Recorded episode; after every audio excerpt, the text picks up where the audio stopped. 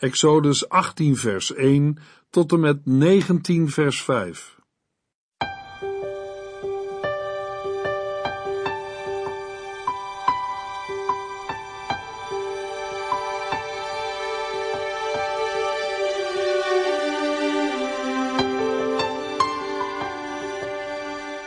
Hartelijk welkom bij De Bijbel Door, een programma van Transworld Radio. De Bijbel Door is een radioserie die u in vijf jaar meeneemt door de hele Bijbel. Van Genesis 1 tot Openbaring 22.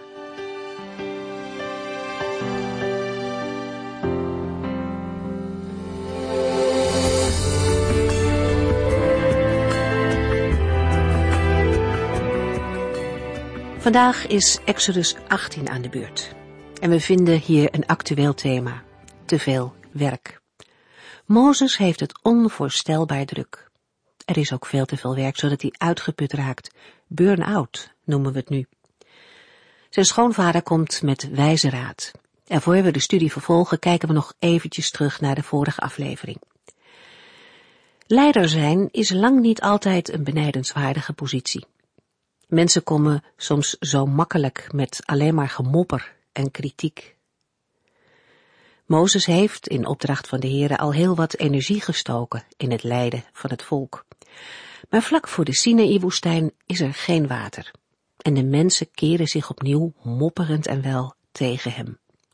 De situatie is zelfs zo gespannen dat Mozes het uitroept naar God. Wat moet ik met dit volk doen? Zometeen stenigen ze me nog. Het volk denkt er nog steeds niet aan om samen met Mozes het probleem bij de Heere God neer te leggen. Ze vragen zich af of de Heer eigenlijk wel bij hen is. Mozes krijgt dan de opdracht om met zijn staf op een rots te slaan. Dan zal er drinkwater uit de rots komen. In het Nieuwe Testament zien we dat deze rots een verwijzing naar Christus is. Een rots biedt een veilige schuilplaats. Een rots spreekt van kracht, van onwankelbaarheid. En hier zien we een rots waar water uitkomt. De Heer Jezus is de rots die levend water geeft. Na deze twist en verzoeking bij Massa en Meriba komt Amalek, een laffe vijand die het vermoeide volk onverhoeds aanvalt in de achterhoede. Amalek richt zich op het zwakke punt, want juist als we moe zijn, is het belangrijk om alert, om waakzaam te blijven. De vijand is er immers altijd op uit om gelovigen aan te vallen op de zwakke punten. Maar wie zich vasthoudt aan de Heere en aan zijn woord, mag ook delen in zijn overwinning.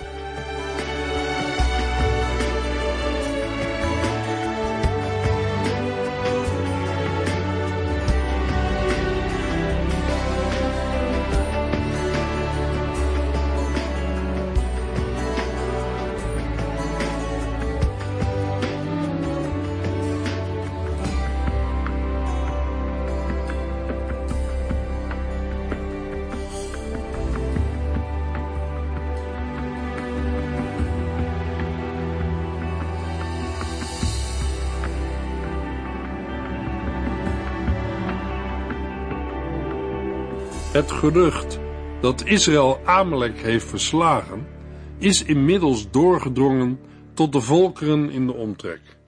Ook Jethro, de schoonvader van Mozes en priester van Midian, heeft gehoord wat de Heere God voor zijn schoonzoon Mozes en voor het volk Israël heeft gedaan.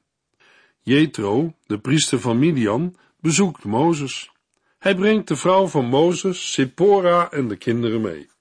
Exodus 18, vers 1 tot en met 4. Het nieuws over de wonderlijke dingen die de Heere voor zijn volk en voor Mozes deed, en hoe hij het volk uit Egypte had bevrijd, bereikte ook Jethro, de priester van Midian en de schoonvader van Mozes. Jethro ging op weg met Mozes vrouw Sephora. Mozes had haar naar huis gestuurd, en Mozes twee zonen, Gersom, vreemdeling, want Mozes zei bij zijn geboorte, ik heb rondgedwaald in een vreemd land. En Eliezer, God is mijn hulp. Want Mozes zei bij zijn geboorte, de God van mijn vader heeft mij geholpen en mij van het zwaard van Farao gered. Jethro besluit op weg te gaan naar Mozes en neemt ook de vrouw van Mozes, Sippora, mee. Op een niet nader te bepalen tijdstip en om reden die ons niet bekend is, heeft Mozes haar eerder teruggestuurd naar haar vader in Midian. Jethro neemt ook de beide zonen van Mozes mee. De naam van de eerste zoon is Gerzom. Evenals bij de eerste vermelding van zijn naam in Exodus 2, wordt ook nu de betekenis van de naam genoemd. Gersom is vreemdeling, want Mozes zei bij zijn geboorte, ik heb rondgedwaald in een vreemd land. Een verwijzing naar de tijd dat Mozes in Midian leefde. De naam van de tweede zoon wordt hier voor de eerste en enige maal genoemd. Zijn naam is Eliezer en betekent God is mijn hulp. Mozes zegt over de naam van zijn tweede zoon, de God van mijn vader heeft mij geholpen en mij van het zwaard van Farao gered. De namen van Mozes' zonen drukken zijn gevoelens uit. Bij zijn eerste zoon denkt hij aan zijn droevige situatie. Hij is gescheiden van zijn volksgenoten. Bij zijn tweede zoon denkt hij aan de verlossing die de Heere schonk door hem te bevrijden van het zwaard van de farao. Exodus 2. Exodus 18 vers 5 tot en met 7. Zij ontmoeten Mozes toen hij met het volk bij de berg van God verbleef. Uw schoonvader Jethro is hier om u te bezoeken, werd Mozes meegedeeld. Hij heeft uw vrouw en uw twee zonen bij zich. Mozes verliet zijn tent om hen te begroeten en verwelkomde zijn schoonvader uitbundig. Ze informeerden naar elkaars gezondheid en liepen toen naar Mozes tent om daar verder te praten. Jethro, Sippora, Gersom en Eliezer komen aan in de buurt van de berg van God. Het is niet uitgesloten dat Jethro weet dat de berg Sinaï de bestemming van Mozes is, omdat Mozes heeft gesproken over zijn wens om de Heer op deze berg te ontmoeten. Daar aangekomen wordt Mozes meegedeeld dat zijn schoonvader, zijn vrouw en beide zonen zijn gekomen om hem te ontmoeten. Wanneer Mozes deze woorden hoort, loopt hij naar zijn schoonvader toe. Vol respect begroet hij hem op een manier die tegenwoordig nog algemeen voorkomt onder Bedouinen. Hij buigt zich voor Jethro neer en kust hem. Het respect van Mozes voor zijn schoonvader treedt ook in vers 24 naar voren in de wijze waarop hij diens raad serieus neemt. Het weerspiegelt een cultuur waarin leeftijd en ouderdom wordt gerespecteerd. Leviticus 19 vers 32 Daarna vragen ze naar elkaars welstand en naar de welstand van de verschillende familieleden. Mozes en zijn schoonvader lijken elkaar na te staan en graag te mogen. Mozes vertelt Jethro alles wat de Heer heeft gedaan bij het uit Egypte brengen van zijn volk. Jethro toont grote interesse in alles wat Mozes hem vertelt. Het valt op dat er niets gezegd wordt over de begroeting van zijn vrouw en twee zonen. Exodus 18, vers 8 tot en met 12. Mozes vertelde zijn schoonvader alles wat er was gebeurd, wat de Heere met de farao en de Egyptenaren had gedaan om Israël te bevrijden. Hoeveel problemen er onderweg waren geweest en hoe de Heere zijn volk uit die moeilijkheden had geholpen. Jethro was blij over alles wat de Heere voor Israël had gedaan en dat hij het volk uit Egypte had bevrijd. Geprezen zij de Heere, zei Jethro, want hij heeft u bevrijd uit de handen van de Egyptenaren en de farao en Israël in veiligheid gebracht. Nu weet ik zeker dat de Heere de Allerhoogste is. Hij heeft immers het volk verlost uit de onderdrukking van Egypte. Jeto bracht offers aan de Heere en daarna kwamen Aaron en de leiders van Israël om met Jetro de maaltijd te gebruiken. Mozes en zijn schoonvader gaan samen naar de tent, om onder vier ogen serieuze zaken te bespreken. Daar aangekomen vertelt Mozes alle dingen die hem in de afgelopen tijd zijn overkomen. Jethro heeft uit de tweede hand verhalen gehoord over de bevrijding van Israël. Nu krijgt hij uit de eerste hand een volledig en gedetailleerd verslag. Door het verslag van Mozes beseft Jethro dat de Heere groter is dan alle andere goden. Jethro, die deel uitmaakt van een wereld die vele goden erkent, ziet onder ogen dat de God van Israël groter is dan alle andere goden. Na deze geloofsuitspraak van Jethro gebeurt er iets opmerkelijks. Jethro bracht offers aan de Heere en daarna kwamen Aaron en de leiders van Israël om met Jethro de maaltijd te gebruiken. Jethro houdt een offermaaltijd met Mozes, Aaron en de twaalf oudsten van Israël. Jethro, een priester van een ander volk, neemt deel aan een maaltijd die aan de Heer is gewijd. Dit doet hij met de belangrijkste leiders van het volk Israël. Hij zorgt voor de brandoffers en de slachtoffers. Samen met Mozes en de zijnen houdt hij een maaltijd voor het aangezicht van God. Dit betekent dat een gedeelte van de offers voor de Heere wordt verbrand en dat een ander gedeelte wordt geconsumeerd door Jethro, Mozes en de zijnen. Deze gebeurtenis zegt iets over de aard van het verbond dat in de volgende hoofdstukken gesloten zal gaan worden. Het verbond is niet exclusief bestemd voor degenen die etnisch tot het volk Israël behoren. Al in het Oude Testament is het bestemd voor degenen die de God van Israël beleiden. Hierin wordt iets zichtbaar van de nieuwtestamentische situatie waarin de gelovigen uit de heidenen worden gevoegd bij het oude verbondsvolk. Romeinen 11 en Efeze 2. Het doel van het verbond wordt duidelijk. In Abraham zullen alle geslachten van de aardbodem gezegend worden. Genesis 12 vers 3. Exodus 18 vers 13 tot en met 18.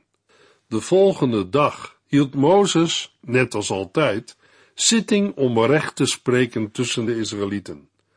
Een zitting die van s'morgens tot s avonds duurde. Toen Mozes schoonvader zag hoeveel tijd dit kostte, zei hij, waarom doe je dit allemaal alleen, terwijl al die mensen daar de hele dag op hun beurt moeten wachten? Omdat de mensen bij mij komen met hun meningsverschillen en van mij verwachten dat ik Gods beslissing daarover geef, legde Mozes uit. Ik ben hun rechter en beslis wie gelijk en wie ongelijk heeft. Bovendien onderwijs ik zo Gods wetten aan hen. Ik pas die wetten toe op hun onderlinge meningsverschillen. Maar dat kan toch zo niet, riep zijn schoonvader. Op deze wijze raak je overbelast en ook voor het volk is het zo veel te vermoeiend. Wat moet er van het volk terechtkomen als jij het werk niet meer aankunt? De dag na de offermaaltijd wijdt Mozes zich aan de rechtspraak. Waarschijnlijk was dit een taak waarmee Mozes zich regelmatig moest bezighouden. Waarschijnlijk betekende het dat Mozes geschillen tussen volksgenoten moest oplossen en onrecht bestrafte. Het feit dat Mozes dit geheel alleen doet, heeft tot gevolg dat al het volk van s morgens vroeg tot s avonds laat bij Mozes in de rij staat. Jethro ziet wat Mozes allemaal met het volk te stellen heeft.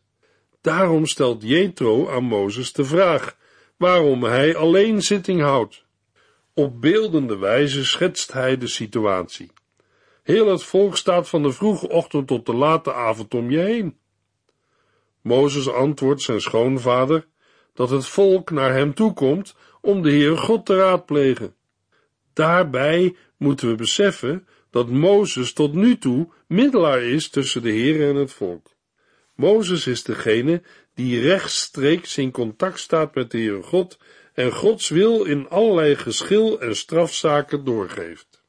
Wanneer mensen een geschil hebben, worden zaken steeds voorgelegd aan Mozes. De taak van Mozes naar zijn volksgenoten is tweeledig. In de eerste plaats is hij rechter. Hij spreekt recht tussen zijn volksgenoten. In de tweede plaats is hij wetgever. Hij maakt de instellingen van God kenbaar. Bedoeld is kennelijk dat hij het bekende recht toepast en in die gevallen waarin het bekende recht niet voorziet of voor problemen stelt, gaat Mozes bij de Here te raden.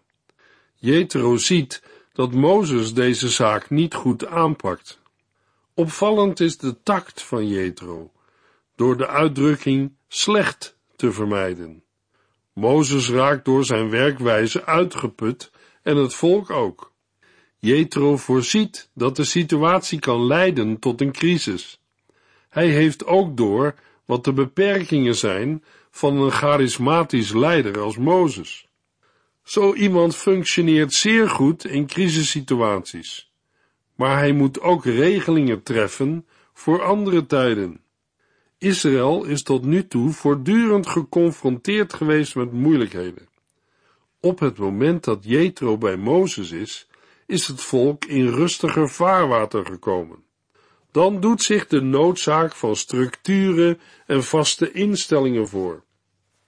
Ten einde dit te bereiken, vraagt Jethro Mozes te luisteren naar zijn goede raad.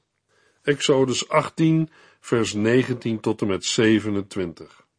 Laat mij je raad geven en God zal je helpen.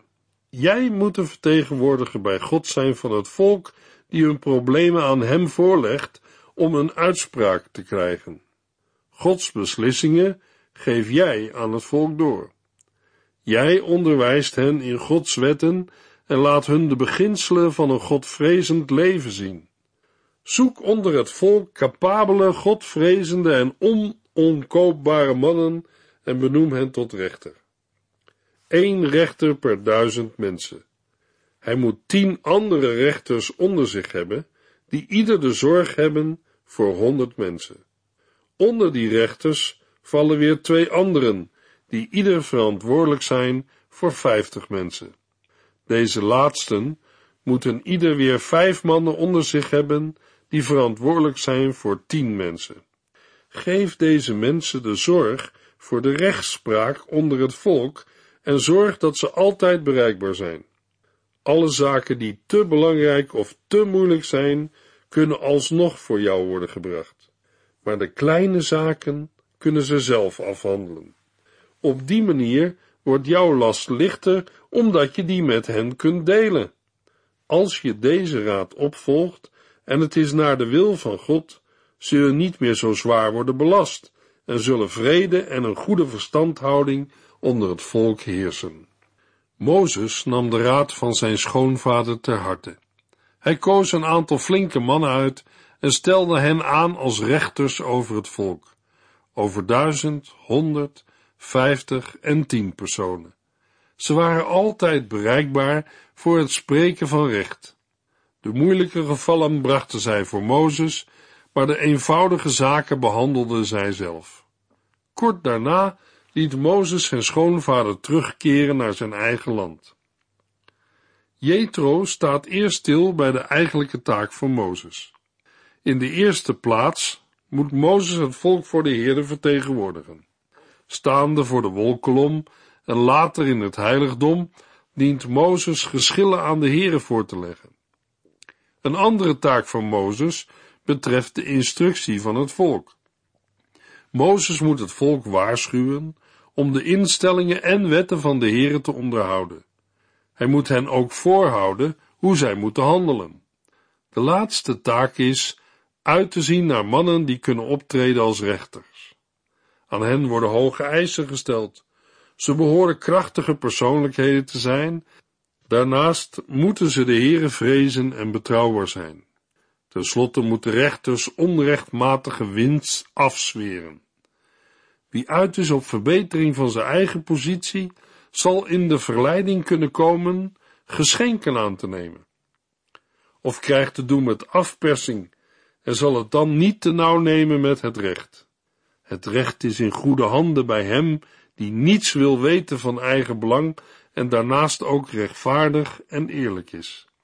Jesaja 33 vers 15 Mozes moet de rechters volgens een vaste verdeling aanstellen als oversten over groepen van duizend, over groepen van honderd, over groepen van vijftig en over groepen van tien.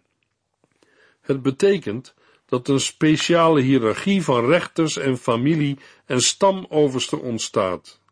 Het begrip rechter is te zwaar om de lagere functies mee aan te duiden. Vermoedelijk zijn dit familie- en stamoudsten, die in allerlei situaties raad geven. Misschien dat aan het begrip richters gedacht moet worden. Een richter doet meer dan alleen recht spreken, ze onderhouden de rechtsorde. De overste over duizend staan waarschijnlijk in rechtstreeks contact met Mozes. Hij legt regelmatig de moeilijke zaken voor aan de Heere God. De door Mozes aan te wijzen rechters dienen voortdurend klaar te staan om recht te spreken over het volk. Ze mogen alle eenvoudige geschillen zelf oplossen, maar ze moeten de problematische gevallen voorleggen aan Mozes. Mozes krijgt de opdracht om zichzelf op deze manier te ontlasten. Als hij de dingen op deze wijze aanpakt, zal hij op de been kunnen blijven. Dan zal hij ook in staat zijn om zijn taak te vervullen. De taak waartoe de Heere hem roept. Een middelaar zijn tussen de Heere en zijn volk Israël. Jethro onderstreept het belang van de opdracht door te zeggen dat God het hem beveelt. Wanneer deze organisatie van de rechtspraak goed functioneert, zullen de Israëlieten in vrede naar hun tent gaan. Het betekent ook dat welzijn en harmonie het samenleven als volk de gemeenschap zullen kenmerken. Mozes gehoorzaamt zijn schoonvader door alles te doen wat deze heeft gezegd. Het bezoek van Jethro komt ten einde. Hij is geen getuige van de verbondsluiting en vertrekt naar zijn eigen land.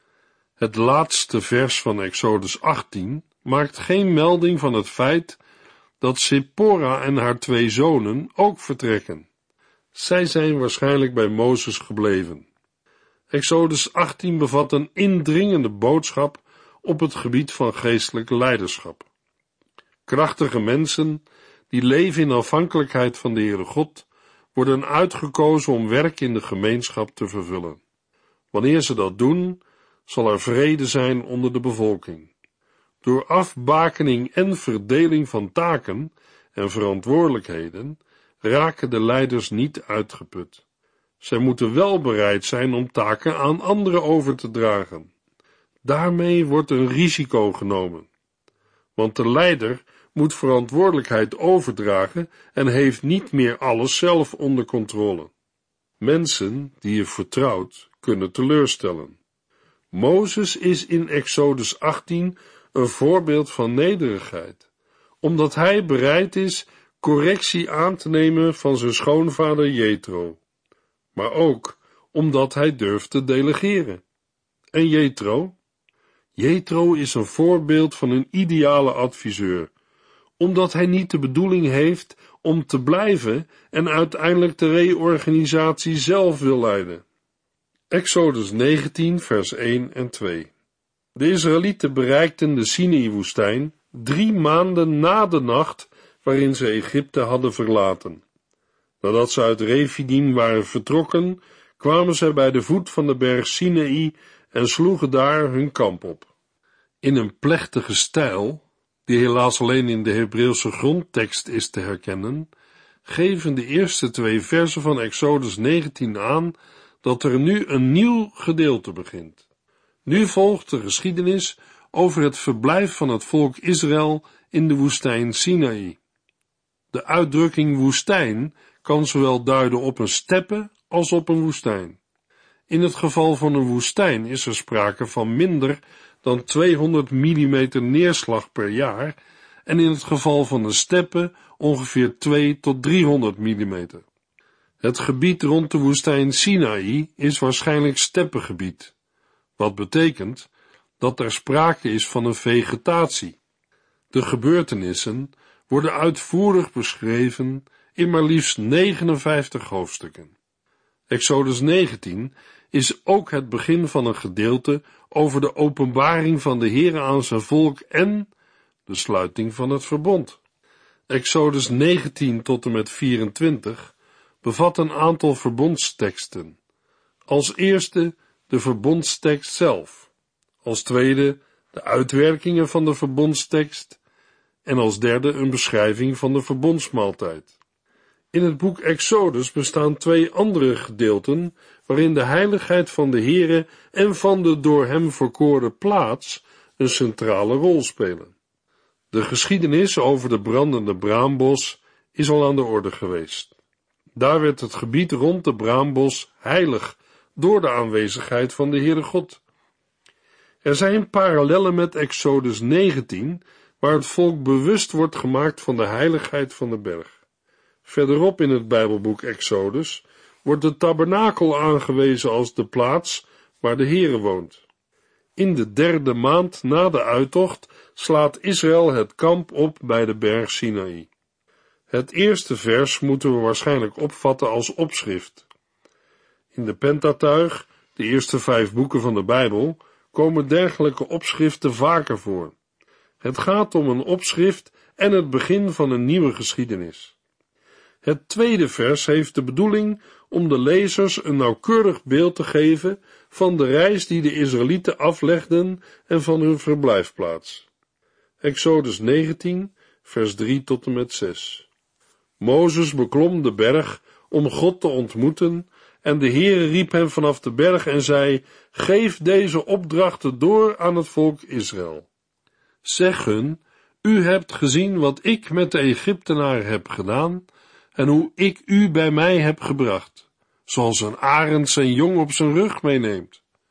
Als u mij gehoorzaamt en uw deel van ons verbond naleeft, zult u mijn eigendom zijn tussen alle andere volken, want de hele aarde is mijn bezit.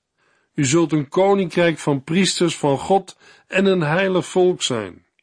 Vertel dit aan de Israëlieten. Israël heeft drie dagen om zich voor te bereiden op de door de Heere aangekondigde verbondsluiting. In deze periode geeft God via Mozes zijn instructies aan het volk en bereidt het volk zich voor. Nadat het volk het tentenkamp heeft opgeslagen, gaat Mozes naar de berg, waar hij de Heere eerder ontmoette. Daar ontvangt hij een boodschap voor het volk Israël. Geheel in de stijl van de toenmalige vazal verdragen, herinnert de Heer aan zijn weldaden in het verleden. Zoals de soeverein, de grootvorst, vertelt wat hij in het verleden voor zijn vazal heeft gedaan. De Heere stelt een aantal voorwaarden waaraan het volk dient te voldoen voordat het verbond wordt gesloten. Zoals het past bij een oud Oosters verbond, geeft de grootvorst aan de verzal de gelegenheid om te reageren. Hoe zal Israël reageren? Zal het volk zich willen verbinden aan de Heere? Daarover meer in de volgende uitzending.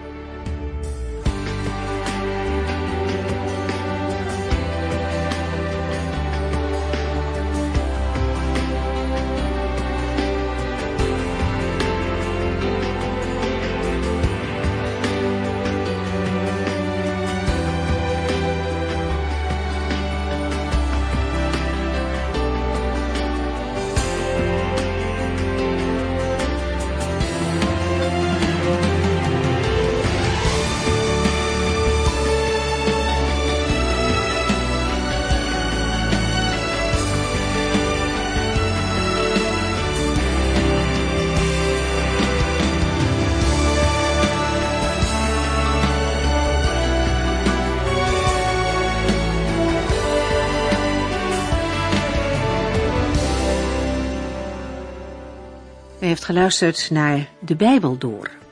In het Nederlands vertaald en bewerkt door Transworld Radio. Een programma waarin we in vijf jaar tijd de hele Bijbel doorgaan. Als u wilt reageren op deze uitzending of u heeft vragen, dan kunt u contact met ons opnemen. Tijdens kantooruren kunt u bellen op 0342 47 8432. 0342 47 8432. 32. Ook kunt u een e-mail sturen naar de Bijbel door transworldradio.nl en natuurlijk kunt u ook via de post ons bereiken. TWR, postbus 371, postcode 3770, AJ in Barneveld. Dit programma werd gepresenteerd door Cor Weda en Ike André. Techniek was in handen van Odin van Woerdekom. En wij allemaal bedanken u voor het luisteren. Graag tot de volgende keer.